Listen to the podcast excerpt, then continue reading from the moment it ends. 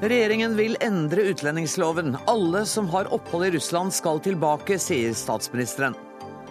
Det er rimelig å tro at flyktningstrømmen over russergrensa er organisert, hevder norsk offiser. Det gir nemlig Russland et pressmiddel i internasjonale forhandlinger, mener han. Jeg vil kjempe for at Storbritannia forblir i EU, så lenge EU gjør som jeg sier, sa den britiske statsministeren David Cameron tidligere i dag.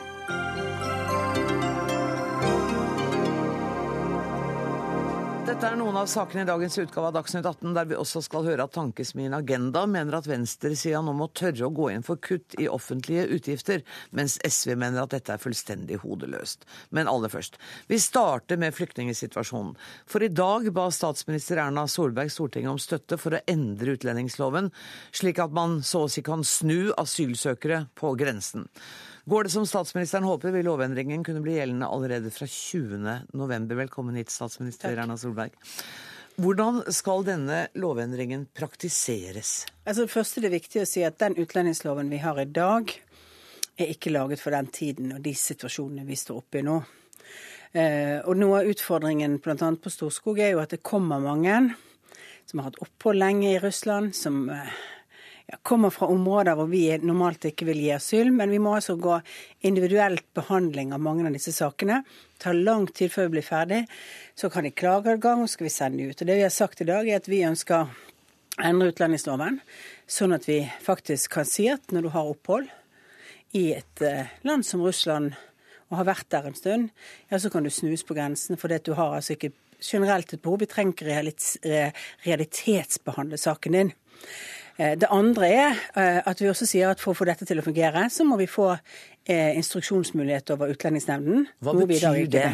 Det betyr at i dag så kan regjeringen skrive, eller, eller justisministeren skrive instrukser, ikke om enkeltsaker, men om fakta, om om eh, sakskomplekser, om hvordan det skal forstås og fortolkes til, utlendings, eh, altså til Utlendingsdirektoratet. Men Utlendingsnemnden står fritt til å vurdere tingene, helt uavhengig av sånn, den typen instrukser. Da må du gjøre det gjennom en forskrift og endring. Og vi vil ikke få til hurtigløp, måter å jobbe på. Eh, uten at det har tatt veldig lang tid hvis vi skal følge den loven sånn som den er i dag. Og Derfor ber vi om hurtigbehandling av en lovendring i Stortinget. Det dere foreslår nå, og som dere håper skal mm. være i kraft fra 20.11, vil ikke det innebære en innsnevring av asylinstituttet? Nei, vi mener at det, er, det, vil, det vil endre det som er forholdene i dagens utlendingslov. Men det, det som er, den vil ikke innsnevre i forhold til flyktningekonvensjonen. Vi har noen selvpålagte regler for f.eks. hvordan man skal vurdere forhold i andre land, som ikke går ut av selve flyktningkonvensjonen eller av Den europeiske menneskerettighetskonvensjonen. Noen av disse reglene er kommet opp. Det har vært litt vanskelig å finne ut egentlig hvorfor og hva var begrunnelsen den gangen de kom. Men nå må vi rydde, for dette er en kritisk situasjon. Vi har jo hørt historier om at en del av dem som kommer fra Russland over Storskog, når de kommer til den russiske eh, visumstasjonen, så får de stemplet i passet sitt at du er nektet innreise i Russland i fem år. Hva gjør vi med dem? Eh, for det første så mener vi i utgangspunktet at eh, eh, hvis du gjør det, så har Russland en plikt til å sørge for at de der reiser ikke rett over grensen til oss, men at de faktisk reiser tilbake til sine egne land. De skal altså ikke da bare dumpes i nabolandet. Eh, det er ca. 360 av 2500 som har hatt den typen eh, bestemmelser. Nå har vi et godt diplomatisk samarbeid med Russland om mange av disse spørsmålene, så jeg tror at vi får forståelse for at eh, de kan ikke bare sende de over grensen til oss.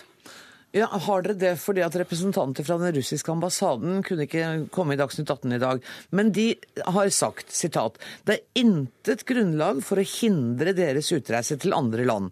Og så sier de Utenlandske statsborgere står også fritt til å velge hvilken grensestasjon de ønsker å benytte. Alt annet ville vært i strid med folkeretten. Ingenting her statsminister, tyder på at de har tenkt å endre praksis. Det er slik at, eh, at eh, Vi har både en tilbakesendelsesavtale med Russland Og eh, vi mener at det er helt klart at folk som da har hatt opphold, har hatt visum til Russland, kommer til Norge uten å ha Schengen-visum, mener vi at i forhold til den avtalen at kan returneres.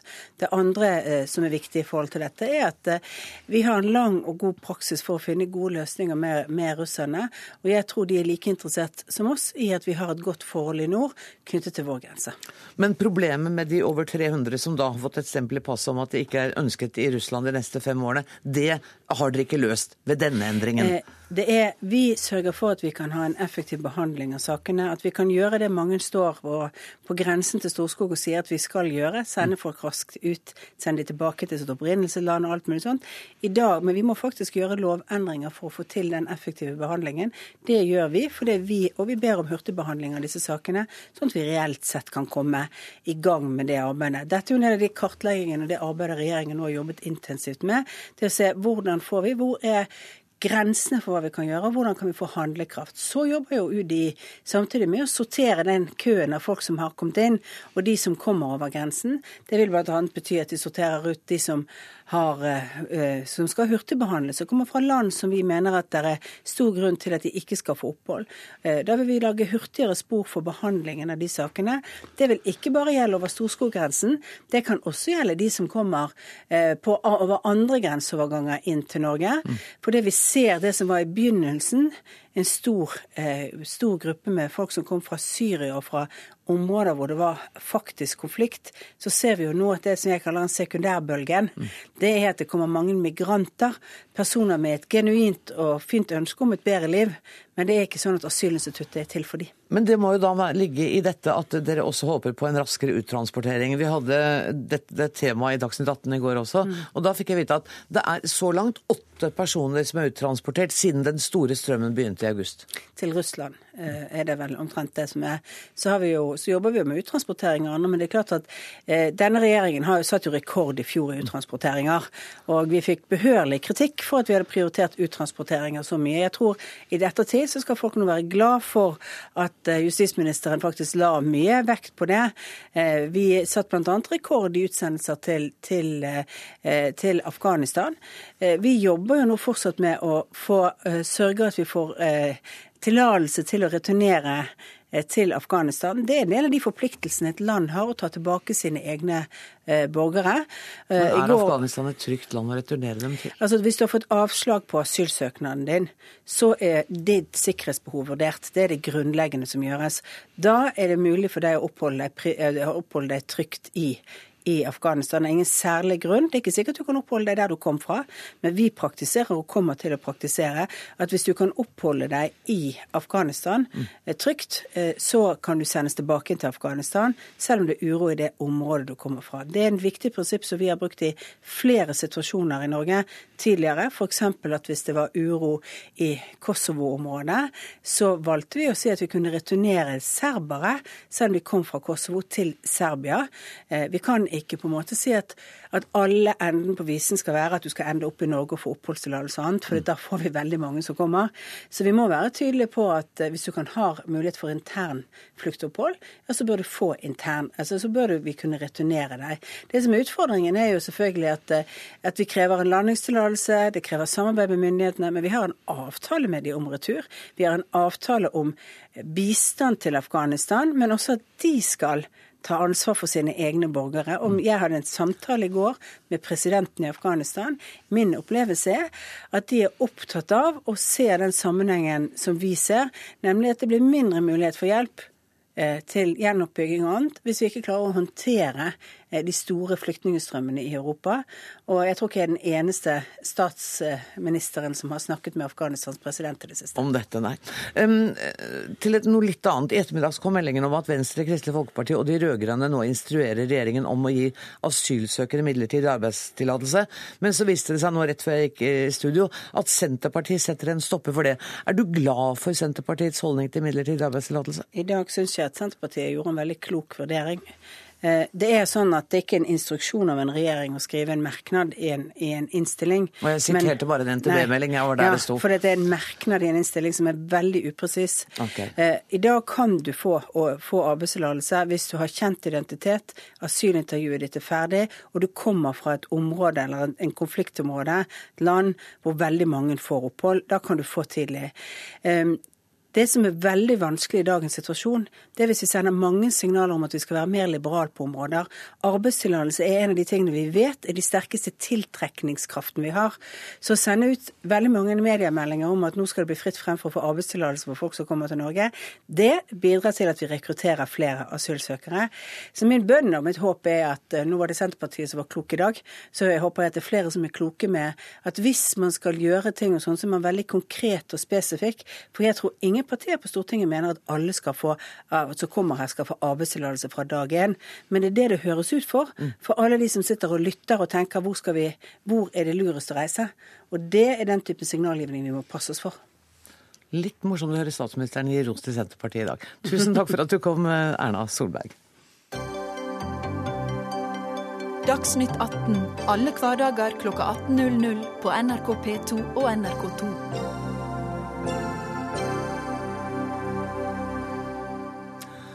Som vi har hørt, så forsøker altså regjeringen å kontrollere asylstrømmen som kommer over den russiske grensen ved hjelp av en lovendring som skal sørge for at asylsøkere med oppholdstillatelse i Russland ikke får sine søknader realitetsbehandlet i Norge. Et annet spørsmål er hvorfor så mange velger å komme til Norge, og ikke f.eks. til Finland, av dem som nå kommer fra Russland. Og det er mange indisier som tilsier at Russland bevisst sender asylsøkere i retning Norge. Det sa du, Thomas Nilsen, redaktør i The Independent Barents Observer, til Dagsavisen i dag. Hva er det som tyder på det? Jo, altså Vi får jo en rekke rapporter fra grenseområdene her på Kolaløya innover mot Norge på at eh, FSB grensevakt faktisk hjelper uh, immigranter innover mot grensa. De uh, slipper gjennom piggtrådgjerdene og lar dem få lov å kjøre helt opp til Boris Gleb, som er den russiske grensestasjonen. Veldig viktig å huske på at fra russisk side så er ikke dette en grense med ei åpen dør. Det har i alle år vært et veldig strengt grenseregime som man nå plutselig har åpna opp. Det samme skjer ikke mot Finland, som jo ville vært mye mer naturlig at de store folkemengdene fra Moskva uh, kunne tatt toget til St. Petersburg og en tre-fire timers busstur over til Helsinki. Så du mye mener dette er bevisst politisk uh, aktivitet fra sentrale russiske myndigheter? Jeg tror ikke nødvendigvis at man har hatt et møte i det russiske parlamentet og vedtatt det her, men det er mange indisier som tyder på at det er en villa politikk. fordi Hadde de ønska det, så kunne man ha stoppa den store trafikken som er innover mot uh, grensa uh, nå.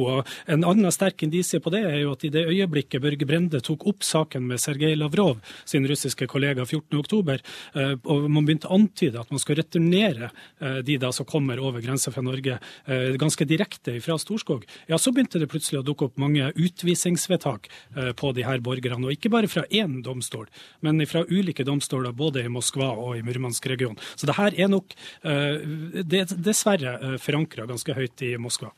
Lars Rove, du er seniorforsker ved Fridtjof Nansen institutt. Hva tror du, er dette en villet politikk fra Russland? Altså, Nå for tiden, så etter, jeg vil si etter Ukraina og Krimhalvøya særlig, så har det jo blitt veldig vanlig å gi russerne skyld for alt som går galt. Eh, noen ganger er det helt riktig, eh, men jeg eh, tviler Jeg nøler litt med å gi dem skyld helt denne gangen. Russland som andre europeiske land står oppe i denne krisen, denne, konfronteres av denne strømmen av mennesker som er på vei i en eller annen retning, som, og, og, og, forholder seg til det. De forholder seg nok på en annen måte til det enn det vi her i Norge uh, gjør. Uh, punkt én, det er ikke en lang tradisjon for å forholde seg Eller for å uh, praktisere internasjonal rett på den samme måten som lille Norge har vært nødt til å gjøre siden, siden vi fikk en egen utenrikspolitikk i 1905. Eh, det er en helt annen tradisjon i Russland. Og dessuten må vi jo bare se i øynene at Russland er kanskje ikke noe særlig hyggelig sted å være for. Eh, ganske mange flyktninger. Og det har man jo hørt eksempler på. Det har jo vært intervjuer med folk som har bodd i Russland i flere år, og som hvis eneste drøm er å komme seg ut derfra. Ikke sant.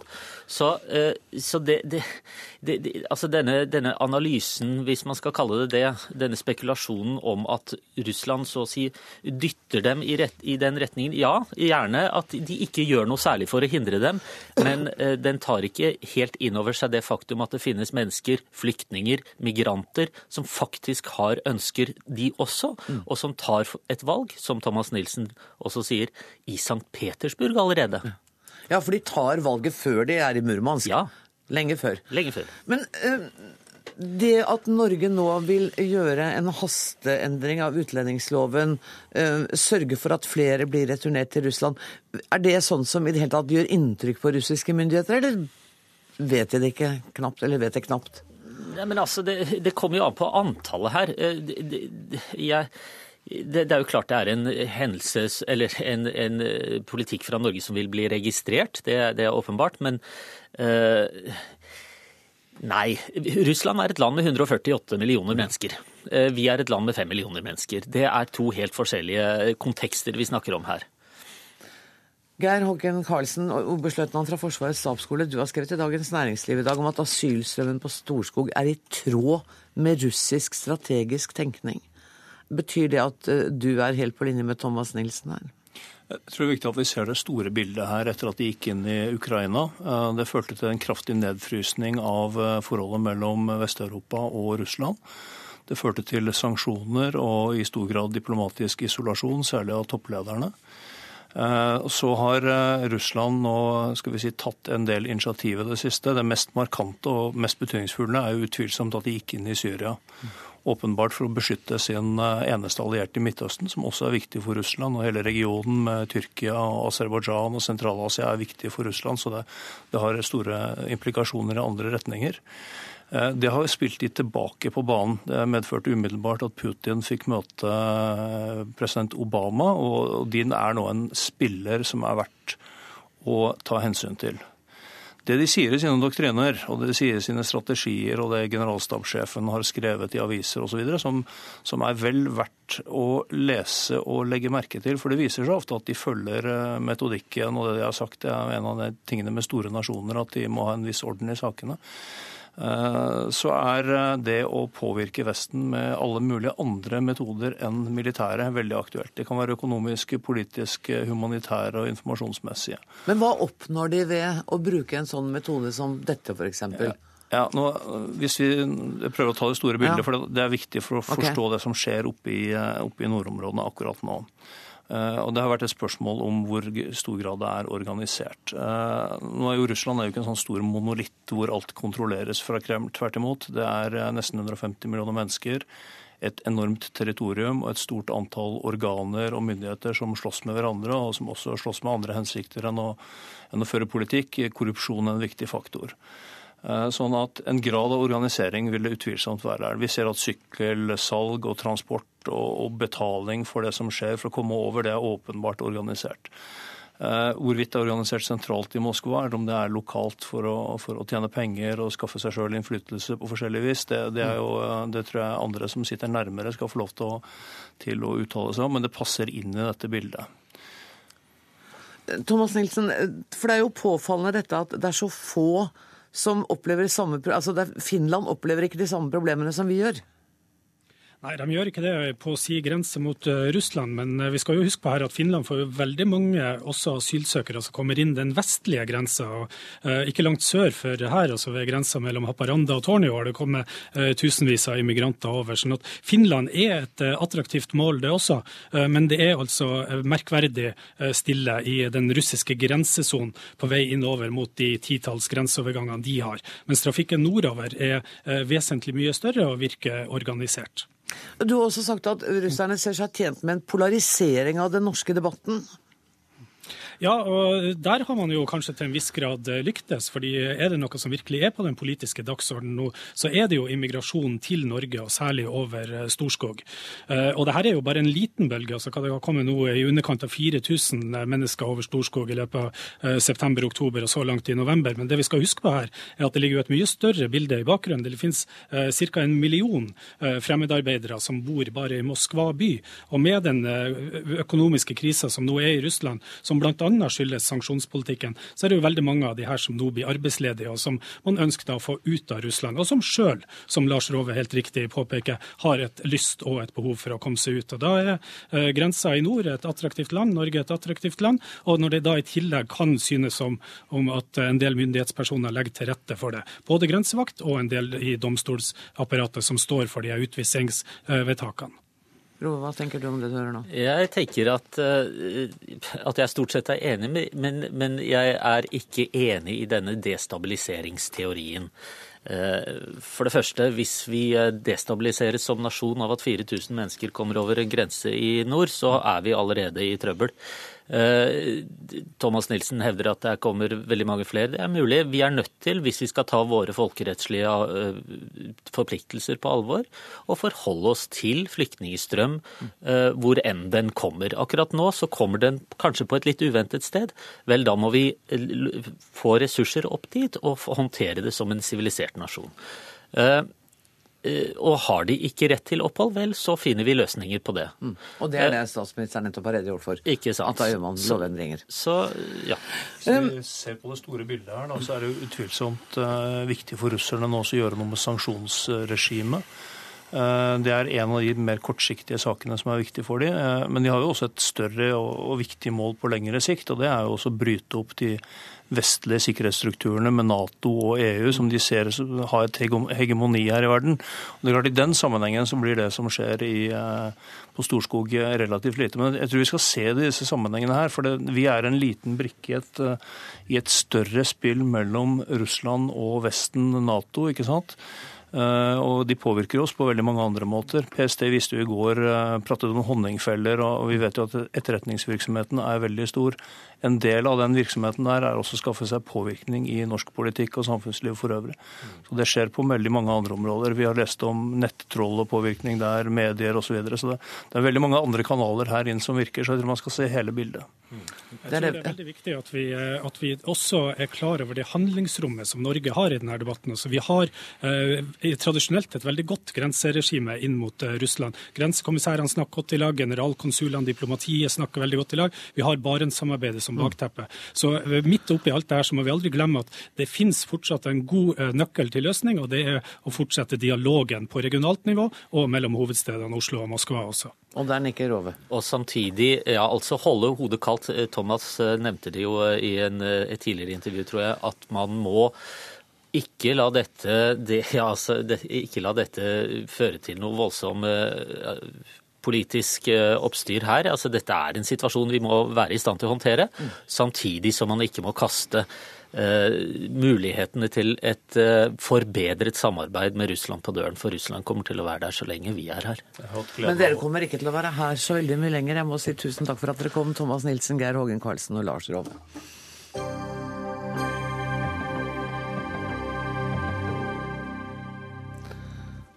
Bestemor blir stående bakerst i køen. Det skriver førsteamanuensis Bettina Husebø i Bergens Tidende. Hun peker på at f.eks. overdreven medisinering og bruk av tvang mot eldre demente pasienter på sykehjem viser en mangel på prioritering og mangel på kunnskap. Førsteamanuensis ved Institutt for global helse og samfunnsmedisin ved Universitetet i Bergen, Bettina Husebø. Det er jo få temaer som vi diskuterer så ofte som nettopp eldreomsorg her i dette studio og overalt ellers. Og det kommer rapporter, I forrige uke kom rapporten fra Helsedirektoratet på ramme alvor, som nettopp tar for seg prioriteringer. Ser du ingen bedring? Ja, selvfølgelig. Altså, vi, man ser jo bedring underveis, okay. og det er helt klart. Men vi snakker her om våre foreldre og besteforeldre, som tilhører den største og raskest voksende gruppen i vårt helsevesen. Eh, og eh, jeg ønsker å påstå at vi ikke er forberedt på eldrebølgen, og at vi ikke er forberedt på kravene relatert til samhandlingsreform. Eh, vi vet at halvparten av oss kommer til å dø på et sykehjem. Mange har smerter som de ikke kan kommunisere om. Mange er overmedisinert, feilmedisinert.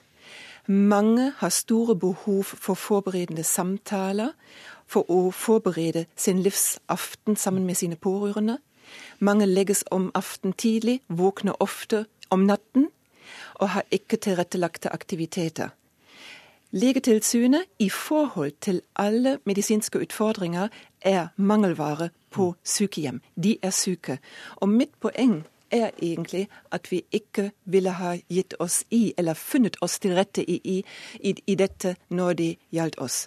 Og spørsmålet ditt om det ikke blir bedre. Ja. Jo, det blir faktisk bedre, men det er veldig avhengig av engasjerte kommuner, av gode ledere og av ildsjeler. Og det hva jeg mener er at et slikt system kan ikke være avhengig av tilfeldigheter, at man har flaks eller uflaks til å være på et godt sykehjem.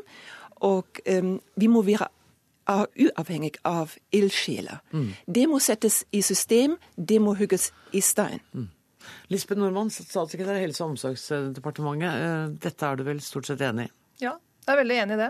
Og jeg tror det er eh, veldig viktig det Bettina Husebø peker på. Vi er nødt til å sette dette i system. Eh, og derfor gjør jo vi nå i regjeringen et veldig viktig grep ved å foreslå å lage en trygghetsstandard i sykehjem.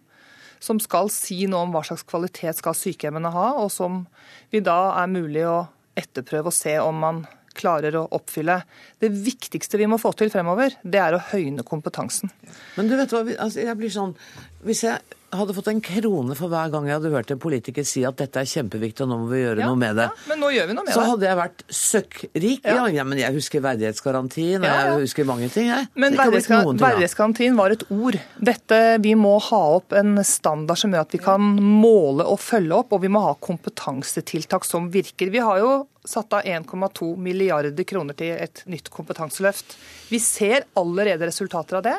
Vi ser at flere får utdanning. Vi ser at flere får fagutdanning, og vi ser at vi får flere spesialister. Men jeg er helt enig også med Bettina Husebø at vi må få flere leger, og det har vi også en satsing på. Hvis ikke vi får det, får vi heller ikke helsetjenester for de skrøpeligste gamle, og det er helt nødvendig. Bettina Husebø, kan jeg bare spørre deg om noe som sikkert lyder litt fordomsfullt, men det, det, det, er, sånn, det er, i hvert fall en myte at øh, leger ikke har lyst til å bli å jobbe med eldre? At det liksom er lavest på rangstigen over spesialiteter. Er det riktig? Altså Ved Universitetet i Bergen har vi mye undervisning til medisinstudenter, og jeg spør alltid før jeg begynner med undervisning, hvem har jobbet på sykehjem, hvem har egentlig lyst til å gjøre det, og jeg ville ha sagt 80 hever hånden. Er det sant? Ja, det er sant. Men poenget er vi har ingen spesialisering. Ingen spesialisering for leger innenfor dette området. Et godt eksempel er Nederland. I Nederland har man innført en spesialisering for leger for 20 år siden. Og siden det er de klatret opp på plass fem av de mest attraktive legespesialiseringer. Fordi det tiltrekker også fagkompetanse blant pleiepersonalet. Og jeg er veldig takknemlig for det hva du eh, sa. Um, men eh, poenget er, hvis jeg kunne bestemme, jeg ville ha satt opp en gruppe med representanter fra spesialist, og fra primærhelsetjenesten, politikere og fra universitetet. Og jeg ville ha Og kanskje noen pårørende òg? Pårørende Absolutt. Eh, og så vil jeg ha banket gjennom en sykehjemsreform. Og denne reformen bør ha sammenkravene som automatisk og selvfølgelig sykehusene og universitetssykehus også stiller. Og det er krav om undervisning standardisert minst tre ganger i året for alle som jobber relatert til pasientene. Eh, også til studenter i medisin, ernæring, tannhelse og farmasi. Og så forskning. Mm. Forskning innenfor eldreomsorg, innenfor geriatri. Vi har litt av det. Det er ikke god nok. Og så implementering av forskningsresultater fordi det fins. Men poenget med dette er egentlig at kommunene ikke har øremerkede midler til å kunne sende pleiepersonale til forskning til undervisning. Nå må jeg prøve å redegjøre for alle de forslagene du har kommet med. Ja. Det Forslaget om spesialisering, ja. forslaget om en ja. egen gruppe, forslaget om øremerking av midler til kommunen, forslaget om forskning og forslaget om implementering av forskning. Er det ja til alt? Nei, det viktigste er jo jeg, nei, jeg tror det, det, aller viktigste er jo at vi nå, når vi rigger til dette prosjektet, som jeg tror møter veldig mange av de utfordringene som Bettina Husebø peker på, så vil du være langt på vei eh, med mange av tiltakene dine. Og så glemte du en viktig gruppe. Det er veldig viktig med sykehjemsleger. Men vi må ta inn over oss at sykepleierstudenter sier fortsatt at det å jobbe i sykehjem eh, ikke er deres førstevalg. Det må vi gjøre noe med. Det viktigste da er å skape gode fagmiljøer. Gi dem mulighet for å få faglig utvikling, og det gjør vi nå. Med, med å heve kompetansen klinisk, sånn at eh, det er mulig å følge opp sykdom hos disse pasientene som er alvorlig syke. Da må vi ha teamorganisering, vi må ha styrke lederskapet, og vi må samarbeide tverrfaglig for å få det til, og vi er på god vei med det. Og så sier Bettina Husbø noe interessant. Hun sier at alderdom er en kvinnesak, fordi kvinner statistisk lever lenger enn menn, og de aller fleste som arbeider på sykehjem, er faktisk også kvinner. Dette hadde ikke skjedd hvis det hadde vært eh, menn i flertall? Nei, jeg tror Det viktigste er at vi må få statusen opp, ja, sånn at vi får en eh, tjeneste, et godt fagmiljø som rekrutterer gode fagfolk. Eh, og så er det nok et poeng at den gruppa som bor i sykehjem, de sykeste gamle, enten de er kvinner eller menn, de hevder ikke sine rettigheter. Det er derfor vi politikere må hjelpe dem med det. Mm. Syns du at dere gjør en god nok jobb? Ja, jeg syns vi er på god vei. Er du enig, Bettina? Ja, man er på en god vei, men det er mye igjen. Og det er som sagt den største gruppen. Og primærhelsetjenesten er svakeste ledd i denne kjeden. Og det er dødt å være fattig hvis primærhelsetjenesten ikke får midler, øremerkede midler til å gjennomføre disse tiltakene, så har det en rebound-effekt til mm. spesialistene. Da sitter vi der igjen. Mange av disse midlene er jo øremerka til tiltak på kompetanse, både for leger og sykepleiere. I morgen skal eh, Stortinget, nei, På torsdag skal Stortinget debattere stortingsmeldinga om primærhelsetjenesten. Første gang en regjering legger frem en melding som tar for seg hele primærhelsetjenesten inkludert tjenestene for de sykeste gamle. Det er veldig viktig, og det er en viktig satsing. Jeg tror vi er enige om økt kompetanse, styrka lederskap. Så får vi gode. Og da blir det mye bedre. Jeg har følelsen av at dere kommer til å snakke mer sammen ja. utenfor denne studioen, men nå må jeg si tusen takk for at dere kom, Bettina Huseby og Lisbeth Nordmann.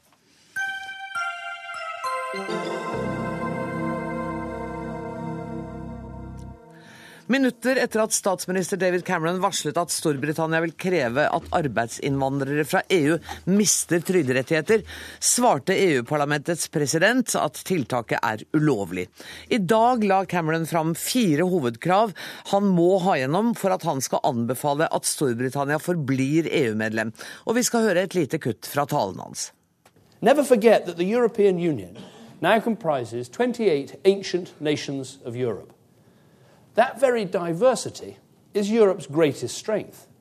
Britain says, let's celebrate that fact. Let's acknowledge that the answer to every problem is not always more Europe. Sometimes it's less Europe. Let's accept that one size does not fit all. Espen Aas, NRK Storbritannia-korrespondent. Her sier altså Cameron at svaret av og til er mindre Europa, ikke mer Europa. Og det må jo være som musikk i ørene til EU-skeptikere på hele kontinentet? Ja, Hadde det bare vært det det hadde dreid seg om, så hadde nok eh, Cameron kunnet eh, senket skuldrene i dag. Mange anser jo her EU som en eller annen slags gift som eh, sprer seg utover landet, og som ikke de kan bli kvitt fort nok. Og noen kommer aldri til å bli fornøyd heller, før Storbritannia er meldt ut av EU. Men nå har ballet startet. Cameron har avfyrt startpistolen, og reforhandlingene er offisielt i gang. Men eh, kritikere her sier at eh, er dette alt du skal kreve, vel eh, blir det så stor forskjell da? Nettopp. Hva slags tale vil du si at Cameron holdt i dag? Det var en, en tale som han nå måtte måtte holde, både fordi andre EU-land har sagt eh, ja vel, herr Cameron, nå har du snakket om reforhandling veldig lenge, men hva er det du egentlig skal reforhandle? For det har du ikke fortalt til oss. Og kritikerne her har jo sagt at se meg, nå har du lovet denne reforhandlingen så lenge, så når har du tenkt å begynne? Så han har presset til å begynne. Nå har han gjort det, kommet med disse kravene som mange syns er for svake, mens mange i EU syns er i overkant sterke. Men han har i hvert fall startet, og han forsøkte iallfall å være ganske ganske tøff i klypa. Og for ordens skyld, han brukte jo også igjen Norge som et eksempel, og minnet om at skulle Storbritannia ende som Norge, så var det bare å vente seg fem direktiver om dagen som han bare måtte godta, uten å ha noe å si. Men du, av alle disse forslagene, Espen, så er jo det, det mest eh, omstridte er jo det som jeg nevnte i introduksjonen her, om at arbeidsinnvandrere fra EU ikke skal få trygderettigheter i Storbritannia før de har vært i landet i fire år. Hvor, altså Jeg sier det er kontroversielt, men hvor kontroversielt er det i Storbritannia? Jo, Det er kontroversielt, fordi uh, du vil da lage et sett for innfødte, og så vil du lage et sett med diskriminerende regler for alle andre. Uh, de uh, vil ikke kunne få de rettighetene som andre arbeidstakere vil gjøre. og Det handler bl.a. også om en del skattefordeler du har når du er i arbeid, som du ikke da skal få på de første fire årene. Og Hvis du regner på det, så vil jo da utenlandske arbeidstakere, altså EU-arbeidstakere, få én type lønn, og britiske arbeidstakere en annen. Så Det er jo da et spørsmål også om dette er eh, helt innenfor EUs regelverk når det gjelder fri flyt av arbeidskraft, når du skal komme dårligere ut når du reiser til Storbritannia. Men, men i Norge er det jo knapt noen debatt om alle de tusen EU-direktivene vi svelger. Og så sier du at Cameron sier at ja ja, lykke til, da blir det som Norge, og dere får fem EU-direktiver hver dag.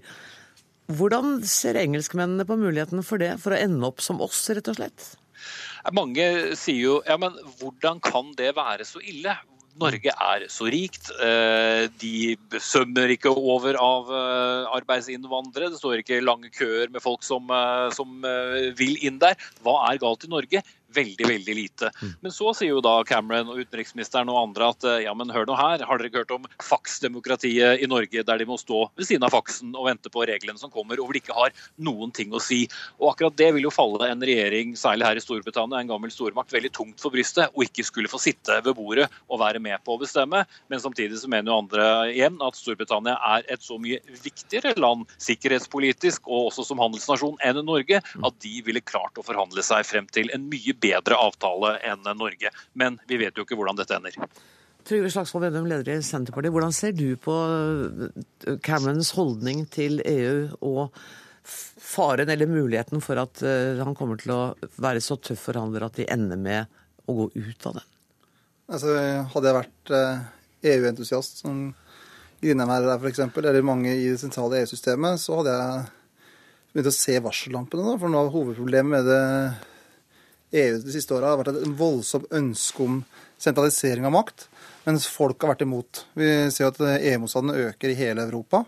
Og nå ser vi at et av de europeiske lokomotivene, Storbritannia, der er, er EU-motstanden økende. Og Det er ikke bare i det konservative partiet, også i Labour er det en økende EU-motstand. Og Det er jo et tegn på at dette prosjektet har gått altfor langt, og at man har glemt nasjonenes egenart og at det er for mye sentralstyring og for lite lokalstyre. Ja, for det var vel noe av det Cameron sa. Han sa det er på en måte to EU. Det er de som er med i eurosonen, og så er det vi som er utenfor. Og nå er det på tide at vi som står utenfor eurosonen, får større innflytelse. Er det realistisk, etter din mening, at de som står utenfor eurosonen, skal ha mer innflytelse over det som skjer i EU? Altså De som står utenfor eurosonen, de andre landene, burde jo se til dem og begynne å lære litt. fordi at eh, alle advarslene mot eh, euroen har jo dessverre vist seg å være rett. Altså Det har vist seg å være rett at det ikke eh, det kommer til å skape mer konflikter. for Det er ikke et politisk system som gjør at hvis de får trøbbel i Hellas, at man er villig til å overføre kapital til Hellas, sånn som det er f.eks. i USA. Mm. Og at man da har innført en valuta som ikke har folkelig forankring, har jo bidratt til den europeiske krisen vi nå ser. Og det, Jeg mener at det er en modell på konflikt over tid. At man innfører tettere og tettere integrasjon, f.eks. en egen valuta, når ikke folket ønsker det. For at EU-systemet eh, e har liksom hatt en sånn evig tro på at skal det overleve, så må det sentraliseres mer og mer makt. Jeg har brukt et sånt sykkelbilde, at hvis ikke så velter sykkelen. Mm. Men hvis sykkelen er på vei ut mot stupet, så er det bedre at sykkelen velter. Og euroen har vært en fiasko, og det ble det advart mot. Eh, og, liksom, eh, og jeg mener at Cameron da har rett i sin analyse. Jan Erik Rindheim, du er leder i Europabevegelsen. Jeg vil tippe at du ikke er så fornøyd med denne talen til Cameron i dag? Det er ikke noe særlig nytt i det. Altså, Storbritannia har aldri vært spesielt glad for en ever closer union, altså en tettere union. Og Storbritannia har alltid lagt vekt på at vi må fokusere på marked. Det er den britiske og amerikanske måten å tenke på, markedsøkonomi, og ikke for mye well, cut the crap, som de sier. Mm. Ja, De har alltid vært skeptiske, altså, eller EU-skepsisen har alltid vært sterk i Storbritannia, men man har liksom aldri tatt det store skrittet og tatt et brudd. Tror du det er mulig? Ja, det er fullt mulig, og en skal ikke se bort ifra at det kan skje. Hva gjør det, det med EU, da? Nei, det er klart det er et av de, Jeg vil ikke kalle det lokomotiv i EU, for Storbritannia har alltid vært bremsene i EU. Men det er klart et av de store landene i EU. Jeg er jo også enig med Espen Aas at jeg skjønner ikke hvordan en tidligere stormakt, som åpenbart ikke er noe stormakt lenger, vil trekke seg ut av et samarbeid hvor de kanskje kan ha litt uh, innvirkning. For det vil ramme Storbritannia også? Mm. På hvilke måter? Altså, det er jo klart at eh, Europa er deres nærområde. Men det som er interessant med Storbritannia versus Norge eksempel, er jo at Norge er jo helt avhengig av EU og det indre marked. Mm. Storbritannia har mye mindre eksport-import der. Det er omtrent en tredjedel til USA, en tredjedel til EU og en tredjedel til Asia og Australia. Men Espen Aas, hvis du er med oss fortsatt, er du det? Espen, ja, Espen, er du med oss? Nei, det var Jeg er med. Ja. Du, jeg bare tenkte på, uh, fordi han, uh, han, appellerer jo i dag til, uh, til britene foran disse forhandlingene. Og så sier han at vi briter vi går til disse forhandlingene ikke med følelser, men med hodet. Det er litt sånn keep calm and carry on. Ja, og, og, det er jo hele den tilnærmingen som Storbritannia har til EU. Hva er det vi praktisk får ut av det? De er ikke opptatt av noe sånn eh, europeiske forente stater og de frie, fire frihetene er så viktig for oss, og i hvert fall ikke en valutaunion. Hva er det som gagner oss økonomisk? Det er først og fremst det eh, Cameron vil ha ut av EU, og ikke alle andre direktivene.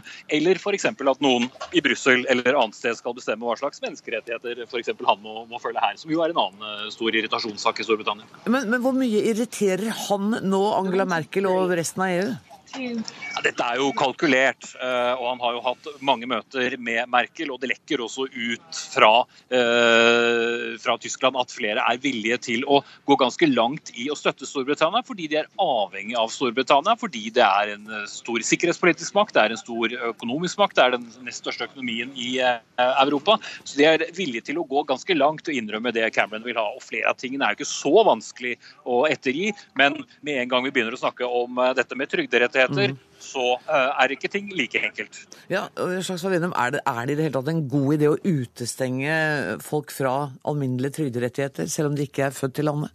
Nei, Vi har ikke ment det i Norge. Vi har ment at de som jobber her skal få trygderettigheter, selv om de da kommer fra et annet europeisk land. Det er vår, det er vår mening. og Noe av grunnen for at det er så høy konflikt i i Storbritannia når det gjelder arbeidsmarkedet, er jo at de har et mye mindre regulert arbeidsmarked enn vi har i Norge. Mm. Uh, og Vi har også hatt sterke fagforeninger i Norge som har gjort at vi har fått mindre utslag av den store arbeidsinnvandringa vi har hatt.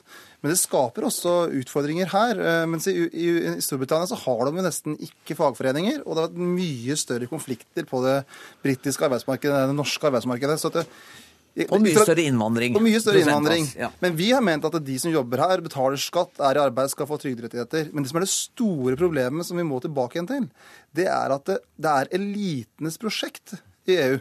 Eh, og at når eh, min sidekollega her snakker, så har man hele tida sagt at jo, hvis det blir mer sentralisert makt, så vil valgdeltakelsen gå opp i Europaparlament. Ha en større deltakelse. Men det er det motsatte som har skjedd. Altså Færre og færre stemmer. Folk føler mer og mer avmakt. Og når det da er stor innvandring, som det er også nå, og det er stor arbeidsledighet, så skaper det mer konflikter. Og vi har tro på at skal demokratiet fungere, så må man kunne snakke det samme språket, ha en demokratisk ordskifte, ha Dagsnytt 18-studier og andre typer studier der vi kan bryte meninger. Og det er problemet i EU, at de studioene, de flatene, har man ikke. Da er det bare professoreliten som får det til, mens uh, folk flest får det ikke til. Og det skaper konflikt. Og det er klart det er ikke uten grunn at britene nå står opp. Og jeg håper jo at også EU-toppene ser at man må gå bort fra troa på mer integrasjon og heller ha mer nasjonalt selvstyre og få tilbake en folkestyre. Grenem, Vi har ikke tid til et langt svar på dette, men du må få lov å svare på denne tiraden om at dette er elitens organisasjon. Ja, altså Det er jo stor støtte for euroen, og det er jo bare noe tull at ikke euroen har vært en suksess. Og det er også bare tull at ikke det er overføringsmekanisme og solidaritet. Hva er det Tyskland har gjort? Altså Dette er jo bare tull. Og nå, nå må du begynne å snakke fakta. altså Det er stort flertall for EU blant folket i Europa, og det er stort flertall for å ha en euro. Men at, det, men at det bare er tull, at euroen har hatt kjempestore utfordringer og ikke, og, ikke, vært et vellykka prosjekt. Det er løst. Det, det er, altså hvis du sier at det er løst, da får du reise en tur til Hellas, Spania, Italia og så spørre folk der om de syns det er løst. Det har skapt større problemer og skapt masse konflikter. Tusen takk for at dere kom til eh, Dagsnytt 18, Trygve Slagsvold Vedum og Jan Erik Grindheim. Hør Dagsnytt 18 når du vil. Radio NRK Radio.nrk.no.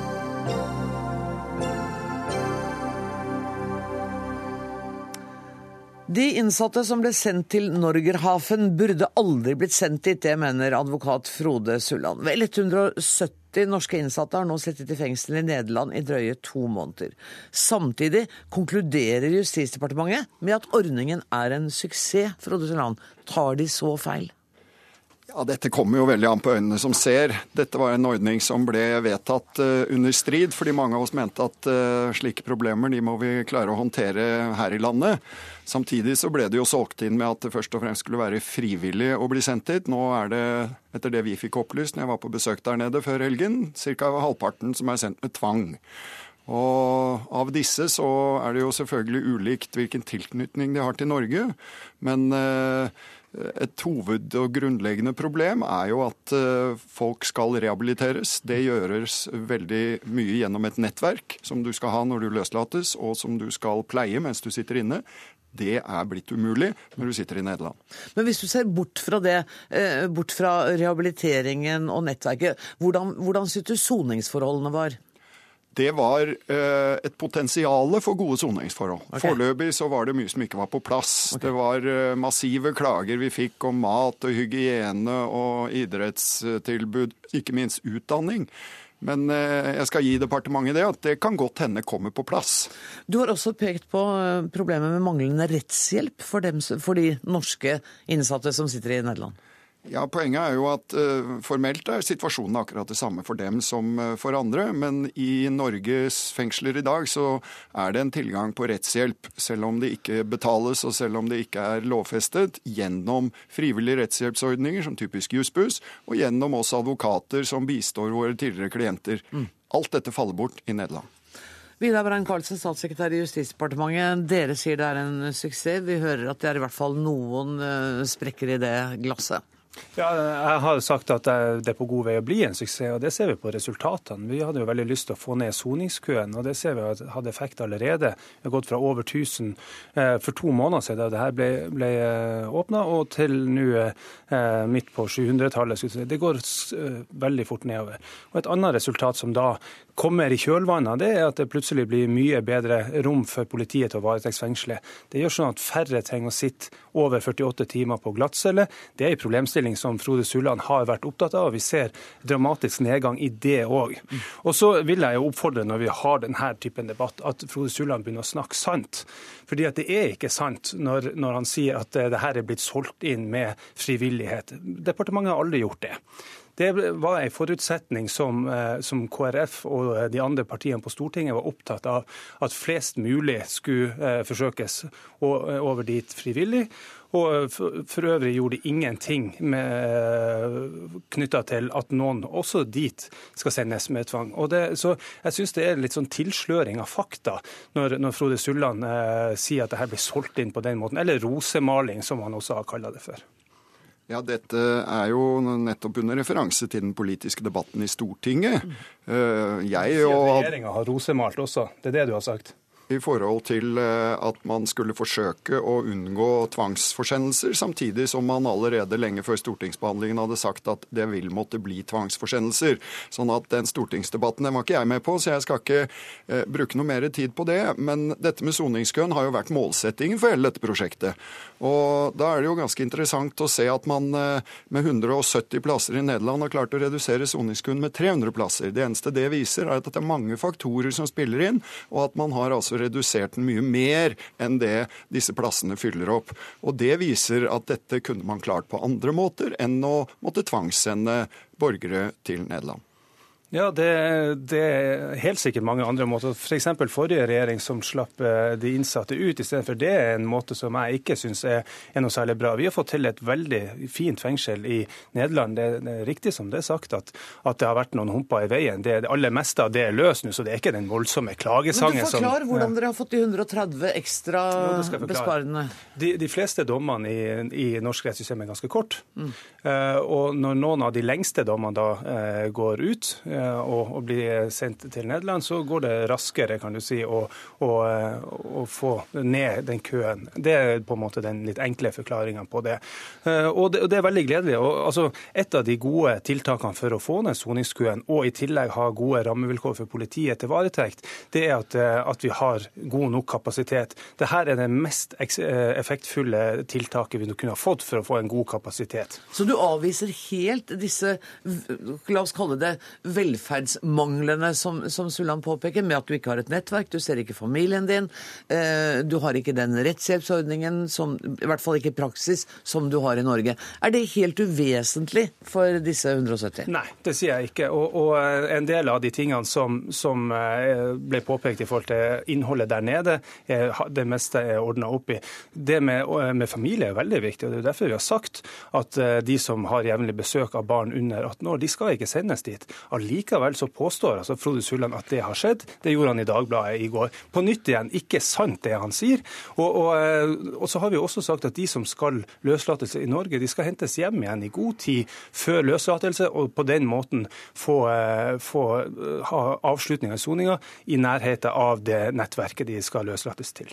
Det er jo slik at Hvis man sendte ned eh, innsatte med jevnlig besøk av eh, barn under 18 år, så vil man jo krenke barnas rettigheter. Mm. Eh, så det ville jo vært et brudd på våre internasjonale forpliktelser. Men det er jo ikke disse barna som ivaretar nettverket. Det er jo kontakten med kjærester, med foreldre, med venner.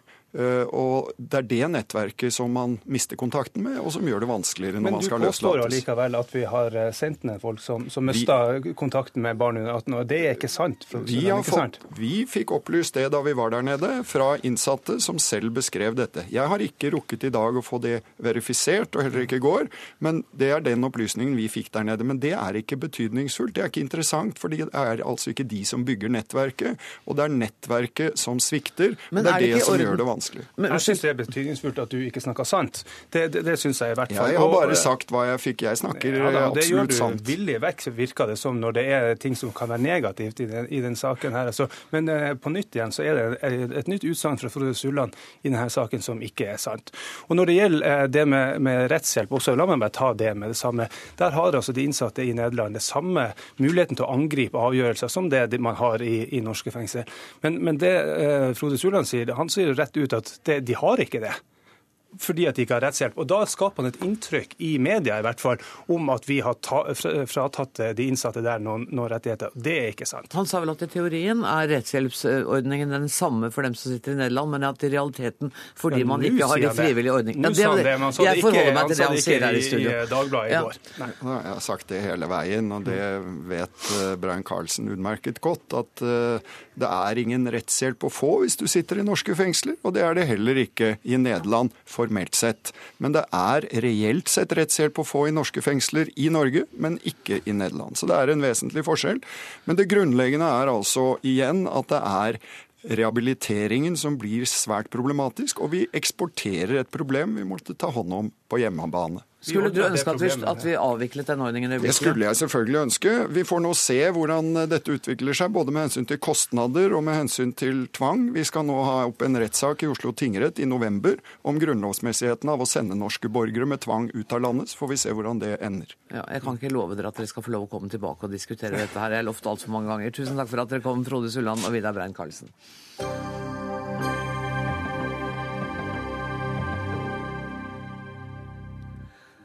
Vi må kutte i offentlige tjenester mens vi kan for å bevare velferden i framtida. Disse ordene er ikke hentet fra Høyres program eller NHOs årsrapport, men kommer fra sentrum-venstre-tankesmien Agenda.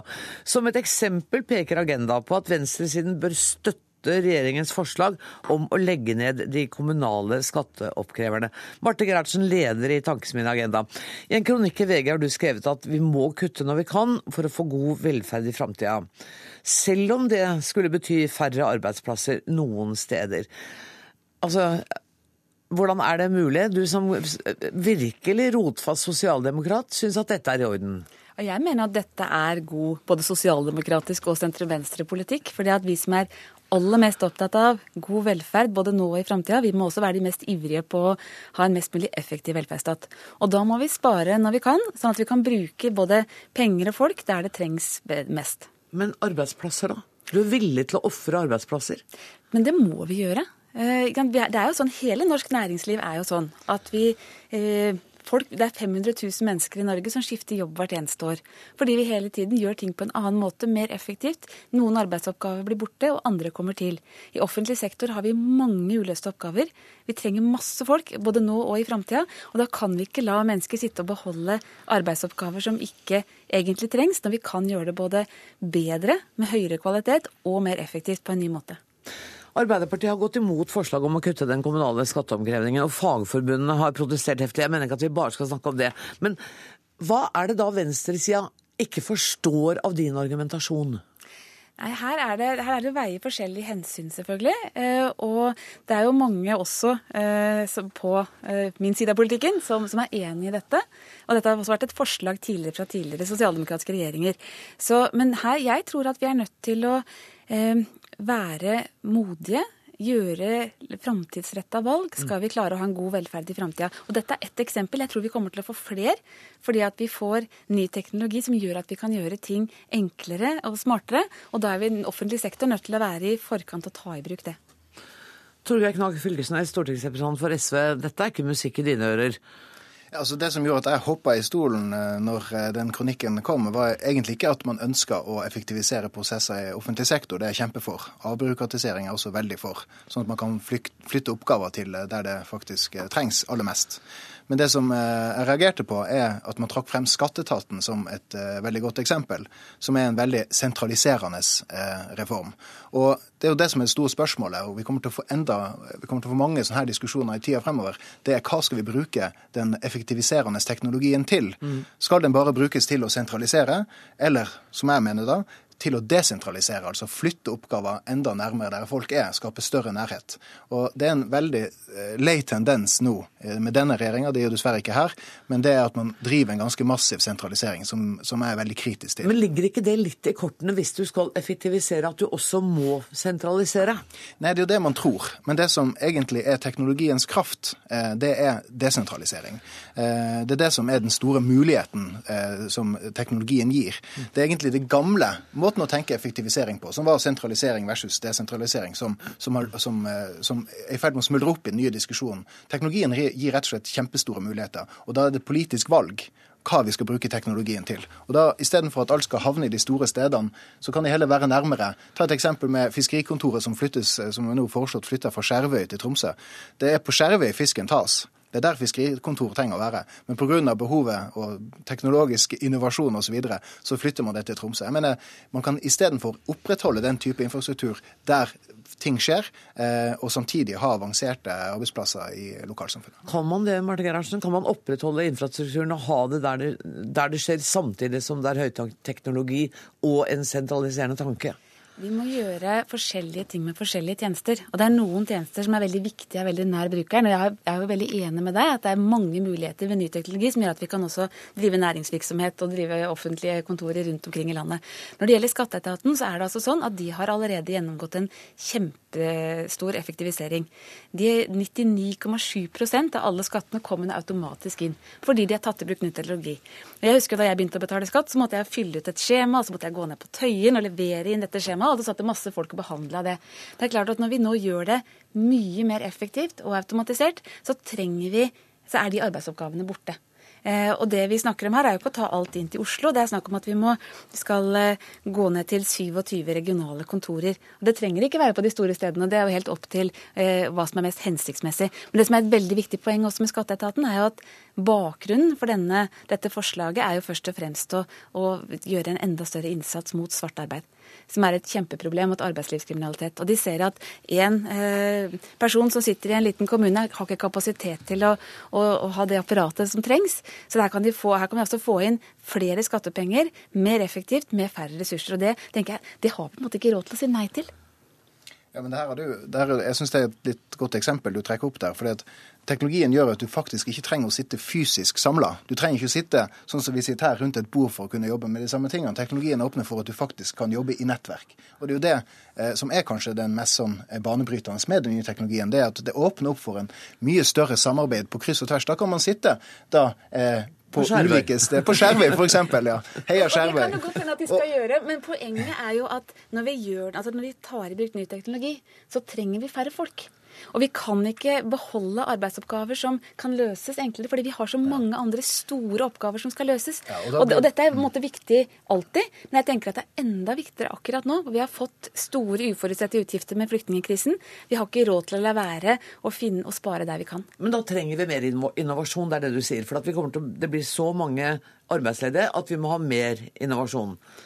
Ja, altså det, I forhold til skatteetaten så trenger det ikke bli noe arbeidsledig i det hele tatt. for det er så mange andre oppgaver. Men, men, dere mener jo dette overalt, at vi skal ta i bruk den nye teknologien. Vi skal bli færre mennesker, vi skal avbyråkratisere. Mm. Da, de arbeidsplassene trenger vi noe annet sted. Ja. For dere vil jo ikke tåle et samfunn hvor vi ofrer tusenvis av arbeidsplasser på teknologien. Nei, vi, jeg mener jo at Her har vi en kjempemulighet til å skape eh, noe, noe, spennende. Eh, når man frigjør arbeidskraft eh, rundt omkring til, eh, til skatteetaten, så spørsmålet skal da skal, hvilke, hvilke, arbeidsplasser skal forsvinne da? Skal de forsvinne eh, i, på hovedkontoret, eller skal de forsvinne rundt omkring i lokalsamfunnene? Kan de få andre typer roller eh, der? Ser du at jeg ser på klokka nå? For nå er jeg helt desperat. så jeg bare nødt til å... Men akkurat nå var vi ganske enige, faktisk. Ja, da, da må dere fortsette etterpå. Kanskje gå godt av en kaffe. Tusen takk for at dere kom, Marte Gerhardsen og Torgeir eh, Eh, Knag Fylkesnes. Jeg må skynde meg å si at det var Ida Tune Ørisland som var ansvarlig for uh, sendinga i dag. Det tekniske ansvaret har Hilde Tosterud. Jeg heter Anne Grosvold og ønsker dere alle en fortsatt god uke.